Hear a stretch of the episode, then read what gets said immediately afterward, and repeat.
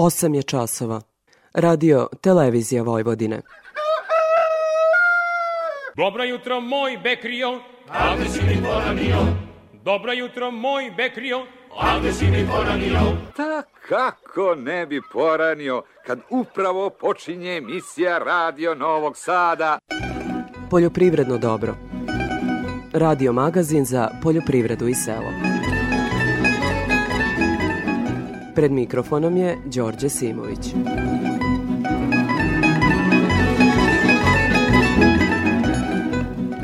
Poštovni slušalci, dobro jutro.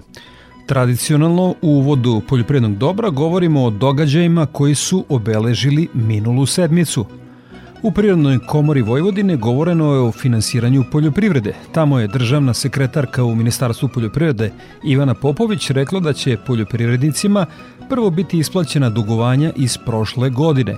Uslov za isplatu ovogodišnjih subvencija je da aplikacija e-agrar bude operativna i onda nakon toga krećemo sa raspodelom budžeta našeg za 2023. godinu gde ćemo se usmeriti prvo na direktna plaćanja, znači mere koje idu po hektaru, po, za mleko, jeste i top i ostale mere direktnih plaćanja, a onda nakon toga idemo sa razradom mera ruralnog razvoja. Ovoj temi ćemo više govoriti u nastavku poljoprednog dobra.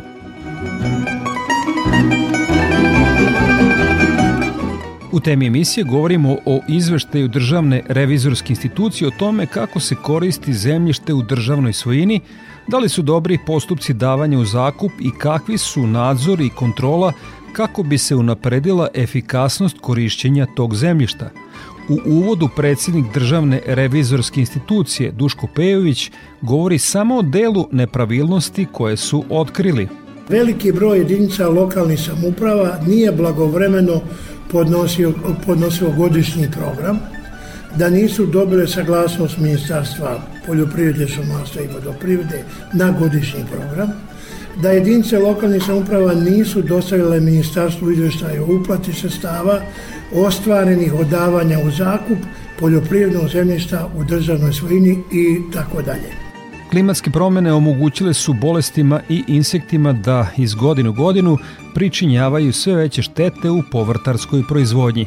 Samim tim to se nametnulo kao dominantna tema ovogodišnjeg 22. savetovanja povrtara održanog juče u Novom Sadu.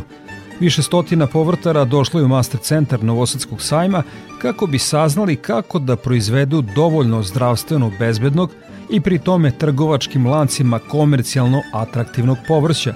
U vremenu kada se iz godine u godinu iz upotrebe isključuje sve više pesticida, to se nameće kao veliki izazov za proizvođače, konstatuje predsednik Vojvođanskog društva povrtara Žarko Ilin masovno javile fitoplazme, zatim masovno se javile lisne vaše i naravno u ovakvim nepoljnim uslovima su se pre svega masovno pojavili molci. Oni će na ovim geografskim širinama rasti i u buduće. Do pre dve godine smo imali tri ili četiri generacije, sad smo u prethodne dve godine imali čak sedam do osam generacija u toku jedne vegetacijone sezone. Javljaju se izuzetno veliki problemi Sve manje zarade od proizvodnje povrća imaju i povrtari koji se tim poslom bave generacijama. Tako je i na gazdinstvu Dragana Vukobrata u Kikindi sve je gore i gore i ja vidim da su nam sve novčanici tanji. Ali, ovaj, ja kažem sad, glavni nam je problem što smo gurnuti u, na konkurenciju sa Evropom, a, jer mega marketi su nam glavne konkurencija, donose nam robu iz Evrope, oni imaju sasvim druge subvencije, mi, mi nemamo subvencije uopšte. Sa savjetovanja povrtara poručeno da će u budućnosti komercijalno biti održivi oni povrtari koji će osnaživati biljke svim mehanizmima dobre poljoprivredne prakse koja će zameniti koncept prekomerne upotrebe pesticida. Nezamenjiva karika u tom lancu svakako su poljoprivredne savetodavne službe. Nakon 57. savjetovanja agronoma na Zlatiboru, u Institutu za ratarstvo i povrtarstvo održana je konferencija za novinare na kojoj je predsjednica Upravnog odbora Dragana Latković govorila o zaključcima skupa. jedna od prvih poruka, kako da kažem, ovog našeg savetovanja koja će biti upućena prema Ministarstvu poljoprivrede jeste da tražimo, odnosno poljoprivredni proizvođači traže da se koristi sertifikovano seme. Znači to je izuzetno bitno jer samim korištenjem ili tako sertifikovanog semena naravno da ćemo i povećati ovaj e, prinose naših, naših poljoprivrednih useva. Opširnije ovome ćemo govoriti u narednom poljoprivrednom dobru. Vaše sugestije svakako su dobrodošle, pa vas pozivam da nam pišete na e-mail adresu dobro.rtv.rs ili da nam svoje komentare ostavite na društvenoj mreži Facebook u grupi Poljoprivredno dobro. Toliko uvodu slušamo Đorđe Balaševića i pesmu Otilija. Jedva da se sećam 12 zvončića na njenoj bluzici Sam je crni đavo poturio note muzici Vrtela prstić oko dugmeta Starija je sestra bdila kao ukleta Obećali kući da će doći i pre ponoći. Jedna da se sećam prvih peče slova njenog imena. Mesec nešto fleka, ko stara trumpeta limena Vitlao Božić, jata zvezdana Mrznuo je Dunav nizvodno od bezdana A u našem kraju lepih seka iznad proseka. I baš lako noga Za drugoga zaručena, a za mene naručena kod Boga. Moja lepotuška Nedopijen gutljaj vina, dah karmina Na krajičku opuška. Ko reči par, spomenar I jedva da se sećam Da je ribnjak bio srmom okovan. Tad i nikad više Miriso je sneg na jorgovan mati joj njena skrila papuče Od mraza ringlov pred kućom napuče. U ocove čizme pa do čarde preko verande. Moja lakonoga Za drugoga zaručena A za mene naručena kod Boga. Moja lepotuška Nedopijen gutljaj vina Dah karmina na krajičku opuška I teški lom u srcu mom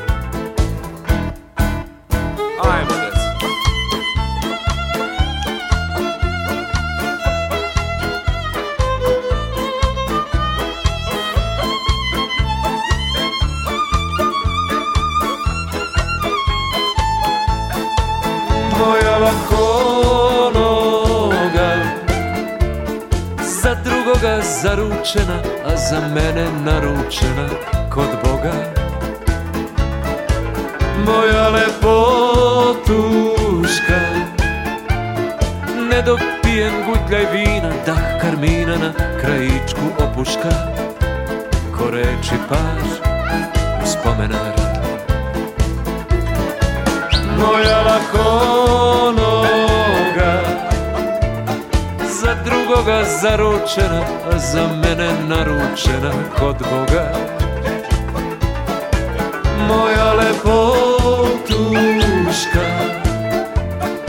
Nedopijen gutljaj vina, dah karmina na krajičku opuška I teški lom u srcu mom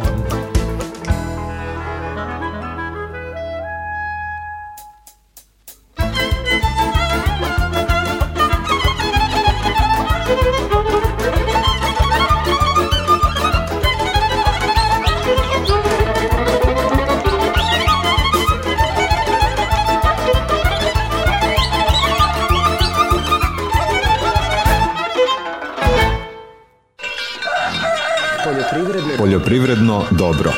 Radio Novi Sad.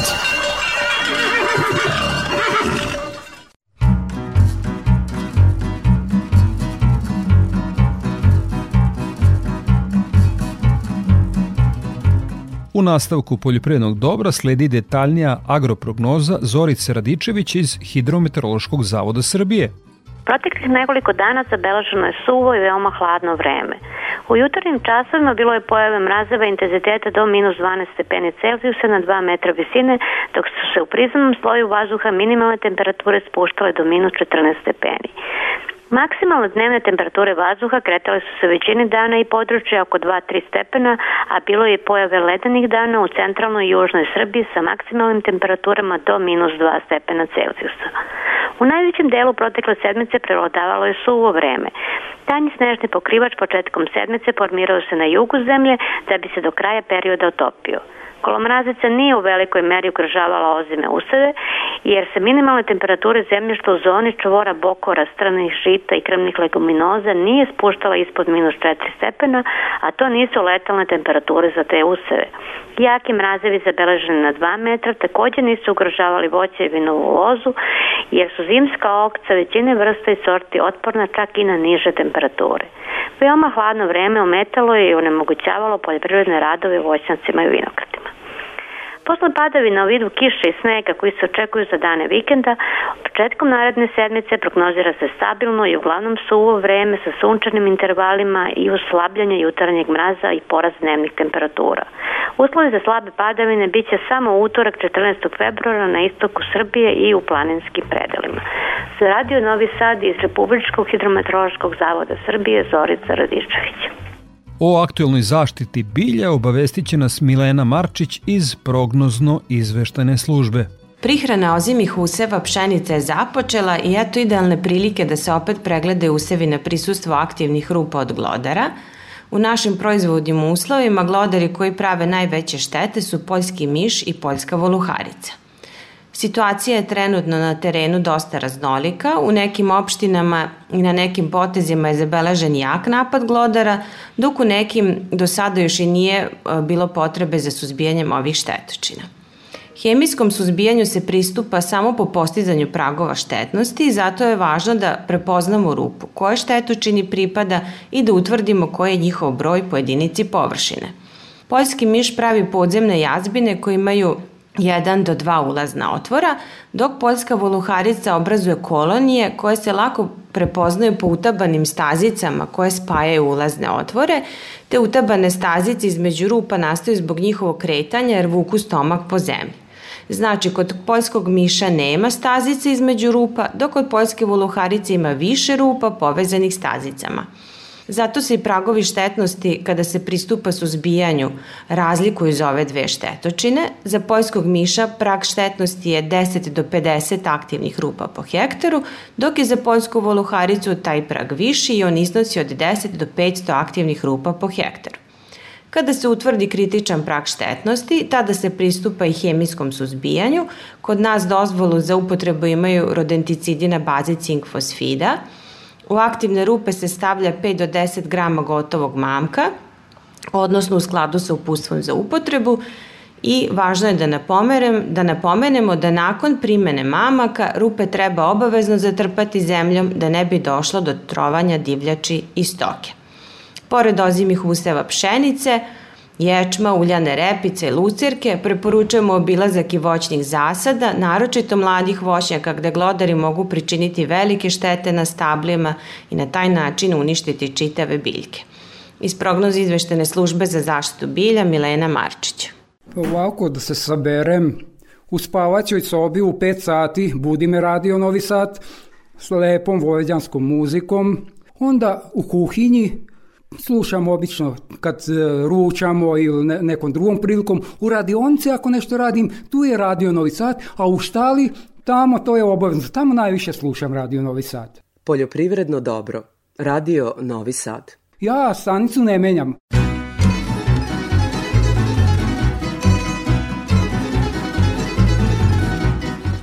Više u prometu žitarica na produktnoj berzi, Maša Arsić, Nakon slabe aktivnosti učesnika u prvim radnim danima, od sredine nedelje dolazi do veće dinamike na robno-bersanskom tržištu. Dalji pad cena žitarica i odsustvo sojnog zrna u trgovanju obeležili su ovu nedelju. Slaba aktivnost izvoznika, ali i domaćih prerađivača uticala na smanjenje obima prometa i dalji pad cena u trgovanju kukuruzom.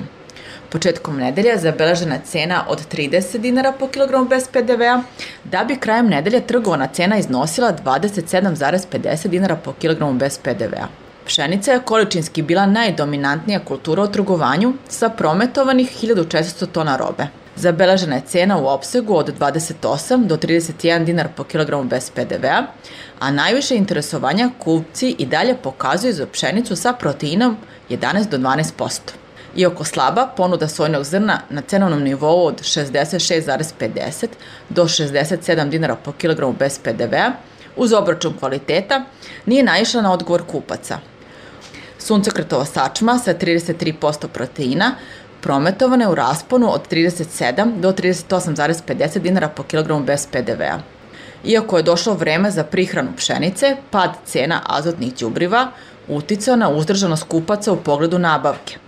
Berzanski ugovori zaključeni su za veštačko đubrivo AN, ruski 25 kroz 1, na 610 eura po toni bez PDV-a, dok urea Turkmenistanska 500 kroz 1 prometovana po ceni od 570 eura po toni bez PDV-a. Sa produktne berze Maša Arsić. Nakon izveštaja sa produktne berze, Gordana Jeličić iz Infotim Logistike obavestit će nas o trendovima na tržištu stoke. Sve cene su bez uračunatog poreza na dodatu vrednost. U toku ove nedelje naši saradnici su tovne svinje sa farme oglašavali po ceni od 210 do 230 dinara po kilogramu, tovljenike sa mini farme po ceni od 205 do 231 dinar po kilogramu, a tovljenike iz otkupa po ceni od 195 do 200 dinara po kilogramu. Ukupno za ovu nedelju ponuđeno je preko 2500 komada tovljenika. Do kraja nedelje primetno je veće interesovanje od strane kupaca za tovljenicima i nagoveštaj za cenu od 220 dinara po kilogramu koju su oni spremni da plate za farmsku robu. Prodavci očekuju jače nivoje cena u ponudi i pregovorima za iduću nedelju. U toku nedelje prasaca farme su se oglašavala po ceni od 370 do 430 dinara po kilogramu, prasaca mini farme po ceni od 360 do 380 dinara po kilogramu, a prasad iz otkupa po ceni od 370 do 375 dinara po kilogramu. U ovoj nedelji imali smo ponuđeno oko 1000 komada prasadi. Tokom nedelje trgovanja za prasadima sa farme bila su na nivou cena od 380 do 400 dinara po kilogramu. Ponuda jagnjadi oglašena je po ceni od 370 do 416 dinara po kilogramu, oko 200 komada u ponudi a ovce za klanje su ponuđene po ceni od 170 do 185 dinara po kilogramu. Na terenu je očena slaba operativnost jagnjadi u ponudi, pa se i dogovori ostvaruju u ovom rasponu cena. Ponude bikova Holštajn oglašena je po ceni od 270 do 287 dinara po kilogramu, bikova simentalaca po ceni od 305 do 326 dinara po kilogramu, a bikova Aberdeen Angus po ceni od 320 dinara po kilogramu. Za ovu nedelju ponuđeno je preko 100 komada bikova. Na terenu dogovori za bikove Holstein bili su na cenu 270 dinara po kilogramu. Kada je živina u pitanju, cena tovnih pilića za ovu nedelju bila je 212 dinara po kilogramu, slaba je operativnost robe na terenu. Cena jednodnevnog pileta je na nivou cena 46 dinara po komadu. Cene su izražene bez PDV-a. Za Radio Novi Sad, Gordana Jeličić iz Infotim Logistike. Poljoprivredno dobro. Radio Novi Sad.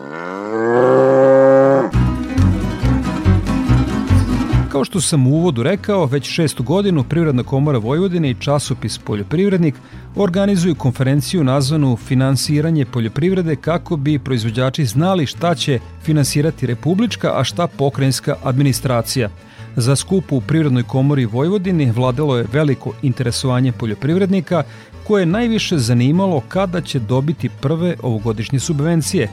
Državna sekretarka u Ministarstvu poljoprivrede Ivana Popović kaže da će poljoprivrednicima prvo biti isplaćena dugovanja iz prošle godine. Uslov za isplatu ovogodišnjih subvencija jeste da aplikacija e-agrar bude operativna. I onda nakon toga krećemo sa raspodelom budžeta našeg za 2023. godinu, gde ćemo se usmeriti prvo na direktna plaćanja, znači mere koje idu po hektaru, po, za mleko, jeste i tov i ostale mere direktnih plaćanja, a onda nakon toga idemo sa razradom mera ruralnog razvoja. Za IPARD, IPARD se sad trenutno nalazimo na jednoj prekretnici i raskrsnici između IPARD dvojke i IPARD trojke. IPARD 3 pretpostavljamo da će u četvrtom kvartalu 2023. godine da krene sa raspisivanjem konkursa. Mi pre toga svakako imamo papirologiju, administraciju i dokumentaciju koja je potrebna da bismo mi otvorili taj IPAR 3 fond koji ćemo mi blagovremeno završiti, ali kreće se najverovatnije sa merom 1 i merom 3 kao prvim i primarnim u tom poslednjem kvartalu 2023. Međutim, državni novac mora biti namenski potrošen. U vezi s tim, poslednjih dana Pokrenjski sekretarijat za poljoprivredu raskinuo je ugovore sa više poljoprivrednika koji nisu dobijeni novac iskoristili prema uslovima konkursa, kaže pomoćnik sekretara Mladen Petreš. Pokrenjski sekretarijat za poljoprivredu i vodoprivredu i šumarstvo kada zaključuje ugovor sa korisnicima sredstva, sredstava preko, koja su ostanena preko aplikacije, preko konkursa i vrši dve kontrole osnovne. To su ona nulta kontrola kojom se utvrđuje da investicija već nije pre toga ova, izvršena i nakon realizacije investicije, a pre isplate sredstava vrši se završna kontrola kojom se utvrđuje da je investicija, naravno koja je fiksna, da je ona izvršena i da postoji tada na toj parceli koja je prethodno utvrđila da nije postojala. Naravno, pokrinjski sekretarijat ima, zadržava pravo, a isto tako prema ugovoru korisnik sredstava ima obavezu za narednih pet godina tu investiciju koju ostvario, za koja sredstva ostvario preko konkursa, drži u svom vlasništvu i koristi, ne sme da je otuđe, odnosno iznajmi. Mi imamo pravo da u tih narednih pet godina od zaključenja ugovora proveravamo vanrednim monitorinzima. Mi smo iz opravdanih razloga organizovali upravo a vezano za ovo pitanje, organizovali jednu akciju provere vanrednog monitoringa, u stvari provere E, postojanja tih investicija su finansiranih na terenu i utvrdili smo, kao što ste videli na, na sajtu, ovaj, nepravilnosti kod određenog broja aplikanata iz 2021. i 2022. godine i naravno sledstveno ugovoru i svima pravima obaveza koje proizilaze iz toga, mi smo raskinuli ugovor i njima naložili povraćaj sredstava. Mi smo sada u procesu, sada vidimo šta, šta je naredno, očekujemo da će svi oni koji su dobili naloge da vrate sredstva, a ukoliko ne, ide se po zakonu. Uprkos padu proizvodnje za 8% zbog poskupljenja hrane, lane smo od izvoza poljoprivredno-prehrambenih proizvoda zaradili više nego 2021. Izvoz je bio 5 milijardi evra, a od toga je dve trećine bilo iz Vojvodine. Slušamo pesmu Biće skoro propast sveta, pa u temi emisije govorimo o izveštaju Državne revizorske institucije o tome kako se koristi zemljište u vlasništvu države. Biće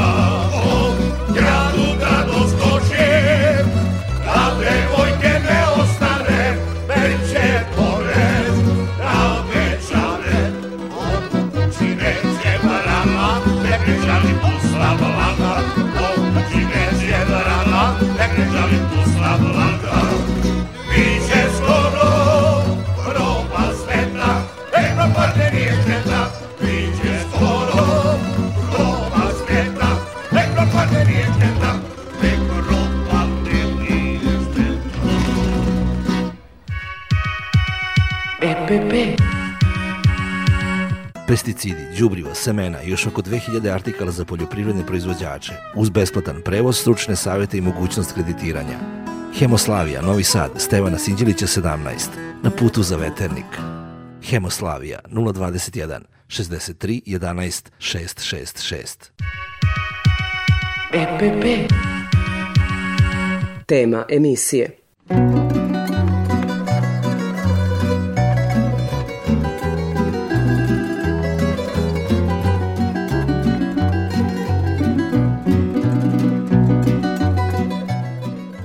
Pre bezmalo četiri godine državna revizorska institucija ustalasala je javnost izveštajem nakon sprovedene revizije u kojoj se između ostalo konstatuje da je od 2016. do 2018. iz budžeta Srbije za posticaje u stočarstvu izdvojeno oko 28 milijardi dinara, a da u tom periodu nije bio povećan broj grla kod pojedinih vrsta životinja, proizvodnje mesa i nije bilo povećanje izvoza – Sada je državna revizorska institucija nešto slično uradila istražujući efikasnost korišćenja državnog poljoprednog zemljišta. Samo da podsjetim da poljoprednim zemljištem u svojini Republike Srbije upravljaju državne institucije preko Ministarstva poljoprivrede. To zemljište se koristi u skladu sa godišnjim programom zaštite, uređenja i korišćenja koje donosi jedinica lokalne samouprave, a na koje ministarstvo daje saglasnost. Predsednik državne revizorske institucije Duško Pejović govori o tome šta je bio cilj revizije. Veliki broj jedinica lokalnih samuprava nije blagovremeno podnosio, podnosio godišnji program, da nisu dobile saglasnost Ministarstva poljoprivrede, šumarstva i vodoprivrede na godišnji program, da jedinice lokalnih samuprava nisu dostavile ministarstvu izveštaje o uplati sredstava ostvarenih od davanja u zakup poljoprivrednog zemljišta u državnoj svojini i tako dalje. Ukupna površina poljoprivrednog zemljišta u državnoj svojini na dan 31. oktobar 2021. godine 805.795 hektara, od čega je 41% ili 326.499 hektara obradivo poljoprivredno zemljište, a 59% ili 479.296 hektara čine pašnjaci, ribnjaci, trstici, močvare i drugo. Od ukupne površine raspoloživo zemljište za davanje u zakup i na korišćenje 408.684 hektara ili 51%. A izuzete parcele od davanja u zakup i na korišćenje iznose 397.111 hektara ili 49%. Glavni razlozi izuzeća ovih parcela su prvo razlika između pravnog i faktičkog stanja, odnosno na terenu nije poljoprivredno zemljište, dok u knjigama to jeste. I to je 71%. Drugo, pašnjaci i utrine koje su vraćene selu na korišćenje čine 19%. Treće, parcele ni pravno ni faktički nisu poljoprivredno zemljište što čini, čini 4% i ostali, ostali razlozi. Raspoloživo zemljište za davanje u zakup i na korišćenje po godišnjim programima. Za agroekonomsku 2020-2021 godinu je 408.684 hektara, dok je u postupku restitucije vraćeno 267 hektara od momenta izrade godišnjih programa do trenutka zaključenja ugovora, tako da je raspoloživo zemljište za davanje u zakup i na korišćenje 408.417 hektara. Od ovog iznosa, od ovog raspoloživog poljoprivrednog zemljišta, na dan 31. oktober 2021. godine, ugovorima o zakupu i na korišćenje data je površeno 264.929 hektara ili 65%. Dakle, 65% od 51% a zemljište koje nije dato u zakup i na korišćenje, to je koje ostaje neobrađeno, ne i zato i neobrađeno je 143.488 hektara ili 35%. cilj ove revizije je bio da se ispita da li se efikasno koristi poljoprivredno zemljište u državnoj svojini i to donošenjem planskih dokumentata, sveobuhvatnom i ažurnom evidencijom, davanjem u zakup i na korišćenje poljoprivrednog zemljišta kao i, i adekvatnom kontrolom. Formulisali smo i sledeća pitanja tri. Prvo, da li planske aktivnosti i postojeća evidencija omogućavaju efikasno korišćenje poljoprivrednog zemljišta u državnoj svojini. Drugo, da li su efikasni postupci davanja u zakup i na korišćenje poljoprivrednog zemljišta u državnoj svojini i treće, da li se nadzor i kontrola nad poljoprivrednim zemljištem u državnoj svojini vrši u cilju napređenja efikasnosti korišćenja tog zemljišta. Autor izveštaja Nikola Stefanović sa svojim timom istraživao je kako su u celom postupku radili Ministarstvo poljoprivrede, Uprava za poljoprivredno zemljište i dve jedinice lokalne samouprave, gradovi Vršac i Zrenjanin. Kontrolom rada samo ovih subjekata može se naslutiti šta se dešava u ostalim opštinama. Inače, period revizije bio je tri agroekonomske godine, od 1.11.2018. do 31.10.2021. Evo šta su revizori zaključili. Ključna poruka izveštaja je da nadležni organi nisu obezbedili efikasno korišćenje poljoprivrednog zemljišta u državnoj svojini, što je dovelo do toga da zakupci ulaze u posjed i nakon odpočinjanja agroekonomske godine, a za poljoprivrednike to znači nemogućnost izbora kulture koju će sejati, dok se poljoprivredno zemljište u državnoj svojini za to vreme ne obrađuje. Tri zaključka. Prvi, osnovni preduslovi za efikasno izdavanje u zakup i na korišćenje poljoprivrednog zemljišta u državnoj svojini nisu ispunjeni, zato što poljoprivredne osnove kao obavezni planski dokument nisu donete, a evidencija uprave za poljoprivredno zemljište ne prikazuje realno stanje površine poljoprivrednog zemljišta. Drugi zaključak, nadležni organi nisu obezbedili efikasno planiranje i sprovođenje postupaka davanja u zakup i na korišćenje poljoprivrednog zemljišta, što je dovelo do toga da zakupci na godinu dana ne mogu da seju jesenje kulture, a zemljište ne može adekvatno da se pripremi ni za prolećne kulture. I treće, usled nedovoljno efikasnog nadzora nadležnih organa nad sprovođenjem zakona o poljoprivrednom zemljištu i nad korišćenjem poljoprivrednog zemljišta, izostaje unapređenje efikasnosti korišćenja poljoprivrednog zemljišta u državnoj svojini. Nikola Stefanović objašnjava kako su došli do ovih zaključaka. Dodatnu težinu izveštaju daje sveobuhvatnost istraživanja državnih revizora. Evo kakve su nepravilnosti našli u radu Ministarstva poljoprivrede. Ministarstvo poljoprivrede, šumarstva i vodoprivrede nije, ni nakon više od 16 godina od dana donošenja zakona o poljoprivrednom zemljištu, preduzimalo aktivnosti u cilju donošenja poljoprivredne osnove Republike Srbije kao obaveznog planskog dokumenta. Ta su poljoprivredne osnove. To je planski dokument koji se donosi između ostalog radi očuvanja raspoloživog poljoprivrednog zemljišta, izrade programa i projekata zaštite, uređenja i korišćenja poljoprivrednog zemljišta, procenje ugroženosti poljoprivrednog zemljišta i izrade dugoročne strategije razvoja poljoprivredne proizvodnje. Rok za donošenje ove osnove bio je 27. jul 2009. godine, odnosno tri godine nakon stupanja na snagu zakona. Do okončanja revizije do današnjeg dana poljoprivredna osnova nije doneta.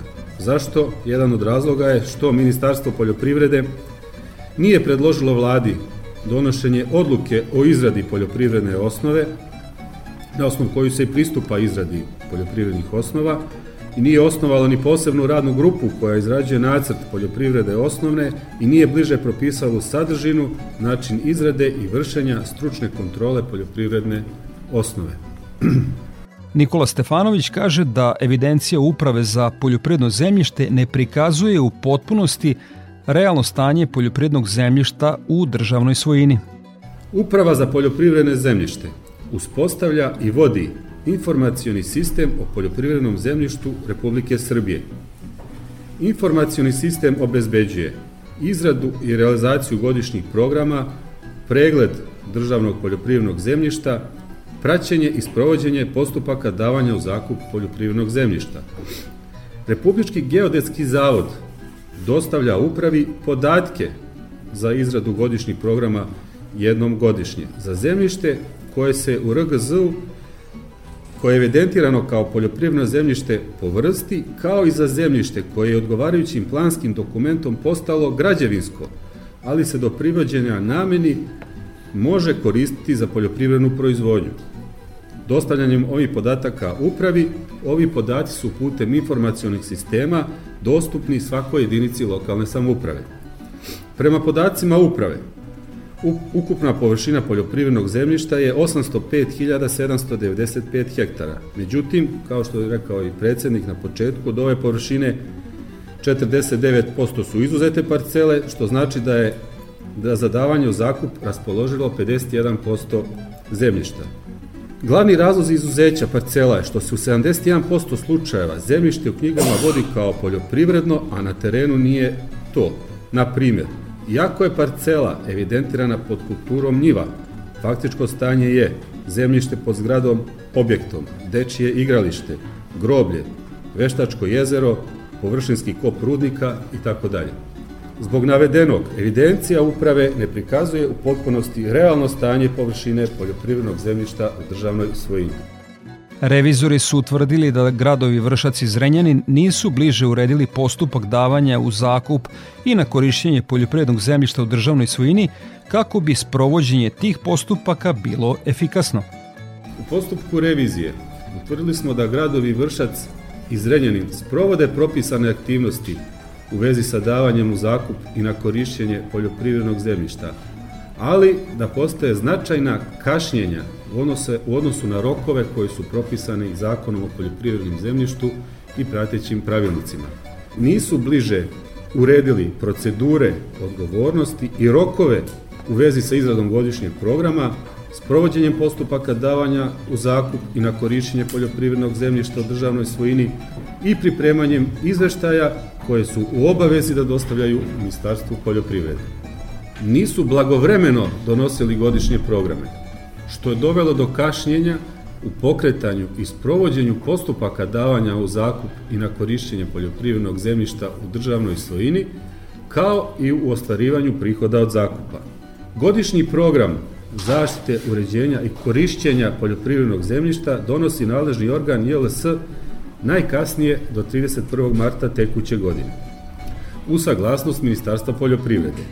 Ukoliko ne donese godišnji program datom roku, Ministarstvo poljoprivrede bez odlaganja, a najkasnije u roku od 15 dana, obaveštava ministra nadležnog za poslove financija koji u roku od 15 dana privremeno obustavlja prenos transfernih sredstava iz budžeta Republike Srbije.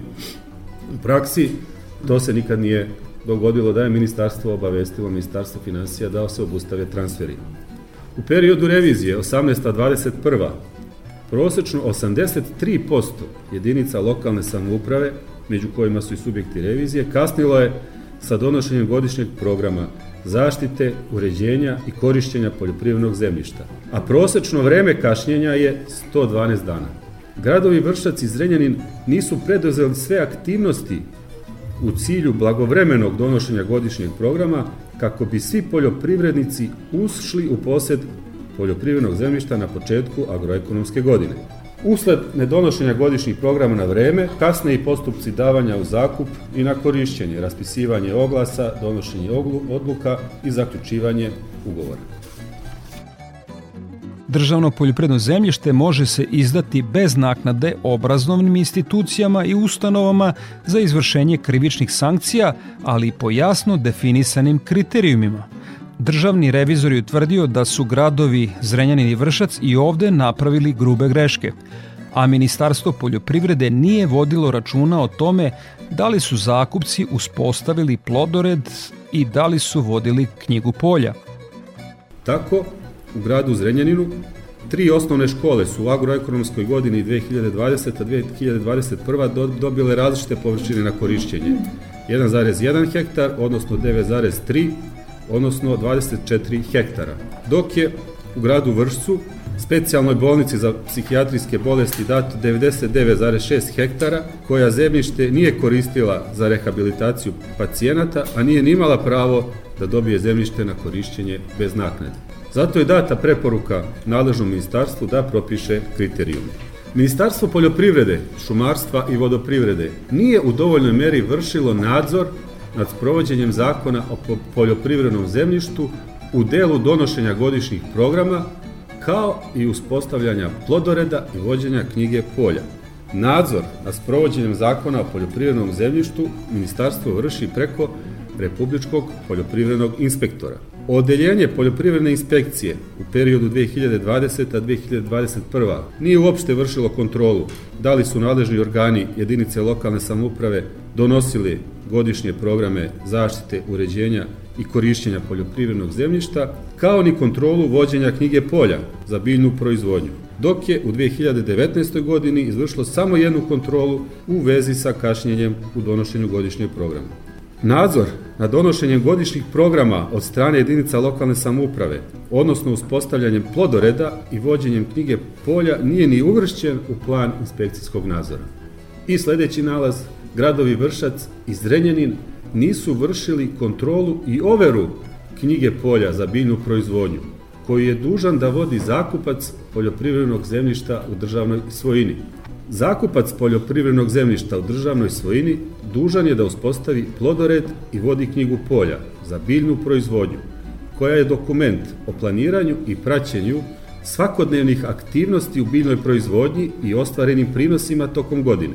Kontrolu i overu knjige polja vrši diplomirani inženjer poljoprivrede koji je član komisije za davanje mišljenja na godišnji program u jedinici lokalne samouprave. Šta su nam rekli subjekti revizije? U gradovima Zrenjaninu i Vršcu nisu vršili kontrolu i overu knjige polja. Diplomirani inženjer poljoprivrede iz grada Vršca tvrdi da nije ni dobijao knjigu polja u pisanoj formi, a u gradu Zrenjaninu tvrdi da kontrola i overa knjige polja od njega nije ni tražena. Gradovi Vršac i Zrenjanin ne mogu kroz knjige polja da adekvatno prate aktivnosti u biljnoj proizvodnji i ostvarene prinose tokom godine. Sledeći nalaz, grad Zrenjanin i ministarstvo nisu dosledno preduzimali mere iz svoje nadležnosti pogledu korišćenja poljoprivrednog zemljišta u državnoj svojini bez pravnog osnova, odnosno ugovora u zakupu, zbog čega je izostao prihod od zakupa za agroekonomsku godinu 2021-2022 u iznosu od 462.000 evra, a postoji rizik izostanka prihoda i u buduće, imajući u vidu da se navedeno zemljište daje u zakup na 15 godina. Jedinica lokalne samouprave i ministarstvo su dužni da u skladu sa zakonom preduzmu odgovarajuće mere ukoliko lice koristi poljoprivredno zemljište u državnoj svojini bez pravnog osnova, kao i da se staraju o tome da se poljoprivredno zemljište ne koristi bez pravnog osnova.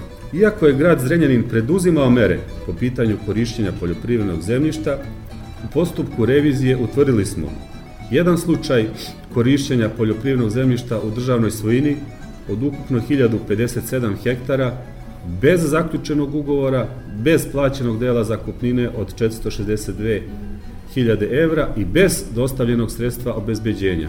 A u dva slučaja utvrdili smo korišćenje poljoprivrednog zemljišta u državnoj svojini u ukupnoj površini od 602 hektara bez zaključenog ugovora. Iako je Ministarstvo poljoprivrede u ovim slučajima utvrdilo nezakonitost, nije preduzimalo dalje mere iz svoje nadležnosti. Poslednji nalaz Gradovi Vršac i Zrenjanin nisu u potpunosti preduzimali adekvatne mere u slučaju protiv zakonitog raspolaganja utrinama i pašnjacima vraćenim selima na korišćenje. Pojedine mesne zajednice, odnosno sela u gradovima Zrenjaninu i Vršcu, su protiv zakonito raspolagale vraćenim zemljištem. Na primer, davale su fizičkim licima u zakup zemljište koje im je vraćeno, odnosno vršena je promena namena, namene, preoravanje, zato što navedeni gradovi nisu preduzeli adekvatne mere u slučajevima nezakonitog korišćenja zemljišta koje je vraćeno selima. Posledica navedenog je da utrine pašnjaci koji su vraćeni selima meštani ne koriste, ne koriste zajednički, već pojedinci imaju ličnu korist od toga. Da podsjetim da su ovo revizori utvrdili samo u dve opštine koje su kontrolisali. A šta mislite do kakvih zaključaka bi došli da su kontrolisali sve opštine u Srbiji koje izdaju državno poljopredno zemljište? I na kraju, nakon svih utvrđenih nepravilnosti u vezi sa korišćenjem državnog poljoprednog zemljišta, revizori su dali i određene preporuke.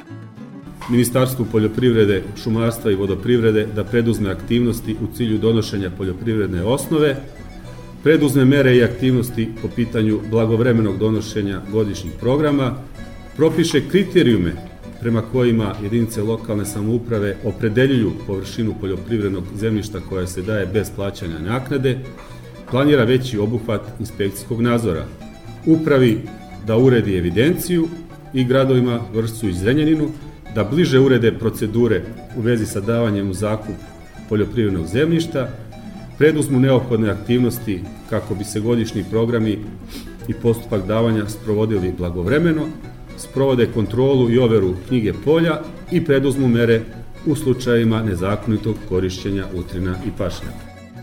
Kao što rekoh, reč je samo o preporukama. Toliko u temi emisije slušamo Zvonka Bogdana i pesmu Šta će selo kad ne bude mene.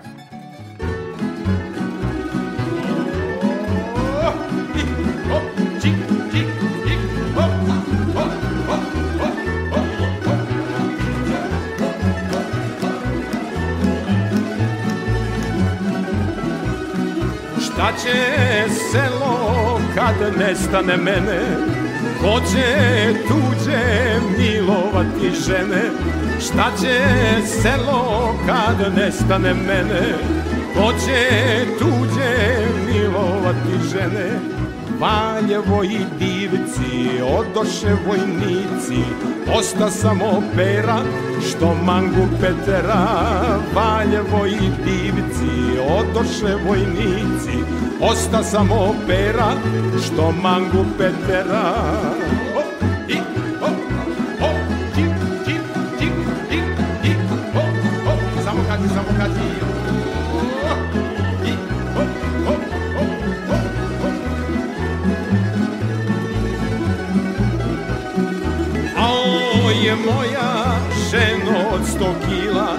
Šta si jela kad si sad debela A o je moja ženo od sto kila. Šta si pila kad si od sto kila? Valjevo i divci, odoše vojnici Osta samo pera, što mangu Petera.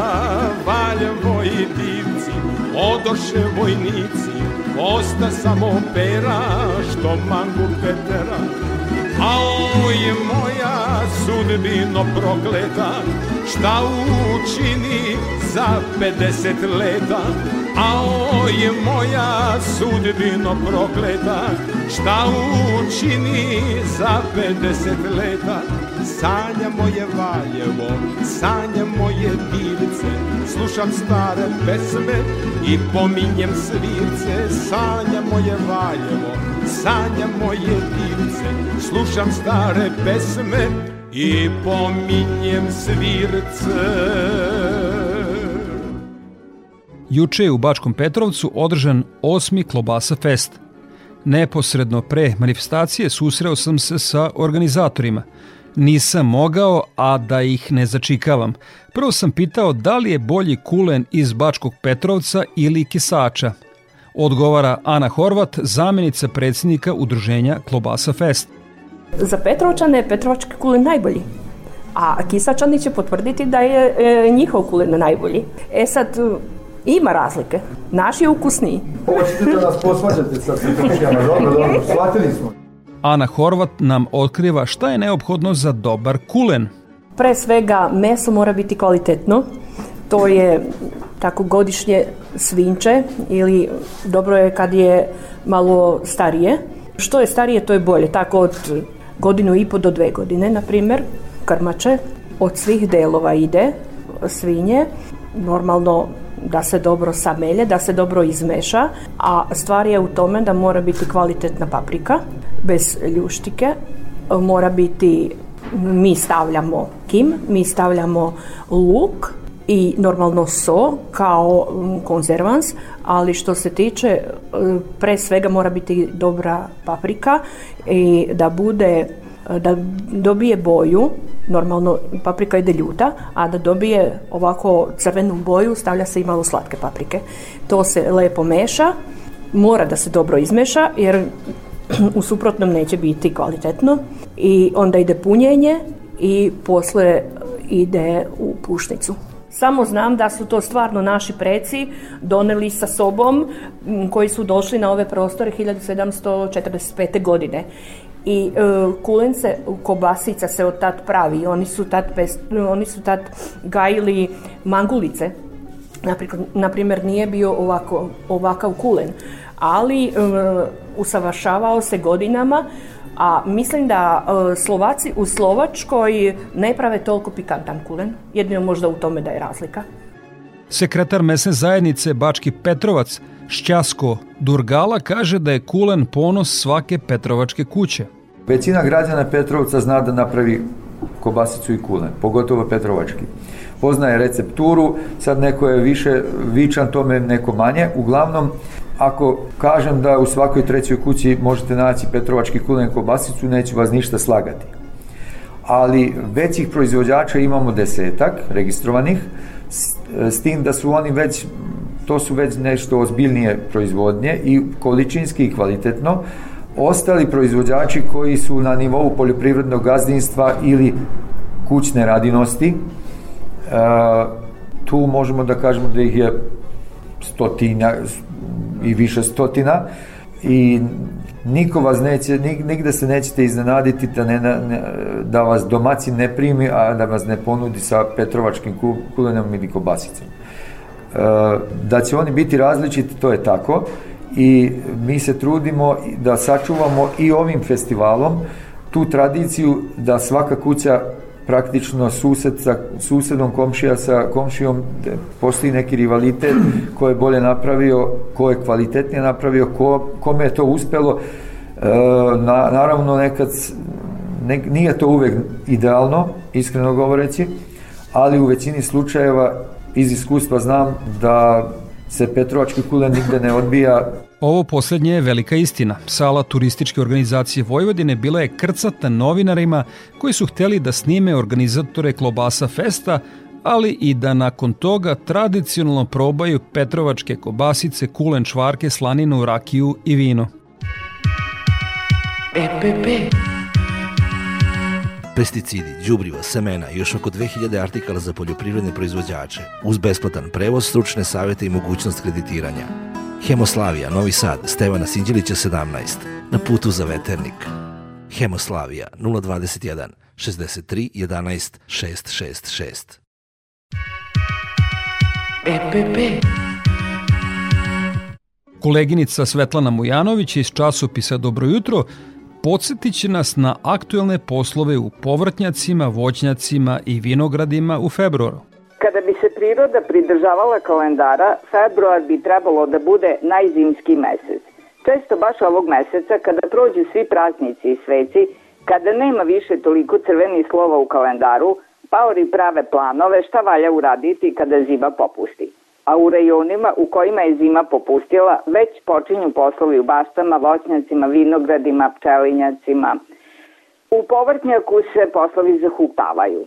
Rana setva i sadnja je veoma važna za povrće koje klija i niče na temperaturi od 3 do 5 stepeni, a to su grašak, spanać, crni beli luk, rotkvica, peršun, šargarepa, paštanak, salata. Setva ranog povrća se zahuktava i u plastenicima sa grejanjem. Ipak, ne bi trebalo da se žuri, jer ovaj mesec zna da bude hladan sa dosta snega. U februaru se u tople leje seju paprika, paradajz, kupus, keleraba. U ovom mesecu možete da posejete paradajz, papriku, ljute papričice, patliđan, vlašac, celer, peršun, blitvu, bosiljak i cveklu. Neke od njih ćete, kada za to dođe vreme, pikirati u veće saksije i presaditi ih početkom maja u baštu, Neke ćete tokom aprila izneti i posaditi u zemlju, u plastenicima koji se ne greju. Pikiraju se i paprika i paradajz koji su posejeni u januaru, a za proizvodnju ranog povrća u plastenicima koji mogu da se dogrevaju. Probrane zdrave krtole semenskog krompira ređaju se u gajbice i unuse u svetle prostorije u kojima je temperatura od 12 do 15 stepeni da bi naklijale. U zaklonjen kraj bašte, čim se zemlja malo zagreje, mogu da se posade čičoka, ren, crni i beli koren. U februaru žive i voćnjaci.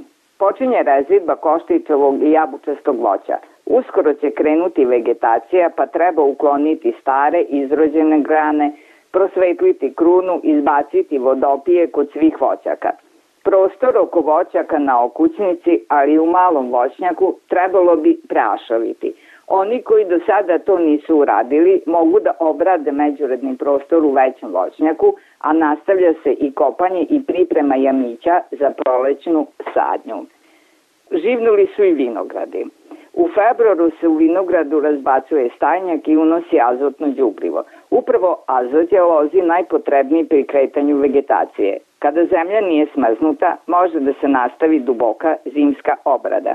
Ako vreme dozvoli, počinje i rezidba koju treba završiti dok loza miruje. I za kraj emisije još jednom agroprognoza Zorica Radičević iz Hidrometeorološkog zavoda Srbije. Početkom naredne sedmice prognozira se stabilno i uglavnom suvo vreme sa sunčanim intervalima i uslabljanje jutarnjeg mraza i porast dnevnih temperatura. Uslovi za slabe padavine biće samo utorak 14. februara na istoku Srbije i u planinskim predelima. Toliko poštovni slušaoci u ovom izdanju Poljoprivrednog dobra radio magazina za poljoprivredu i selo javne medijske ustanove Vojvodine. Ja sam Đorđe Simović i pozivam vas da ostanete uz Radio Novi Sad – Vašoj pažnji preporučujem ekološki magazin pod staklenim zvonom koji je na programu na Kovesti u 9. Svako dobro!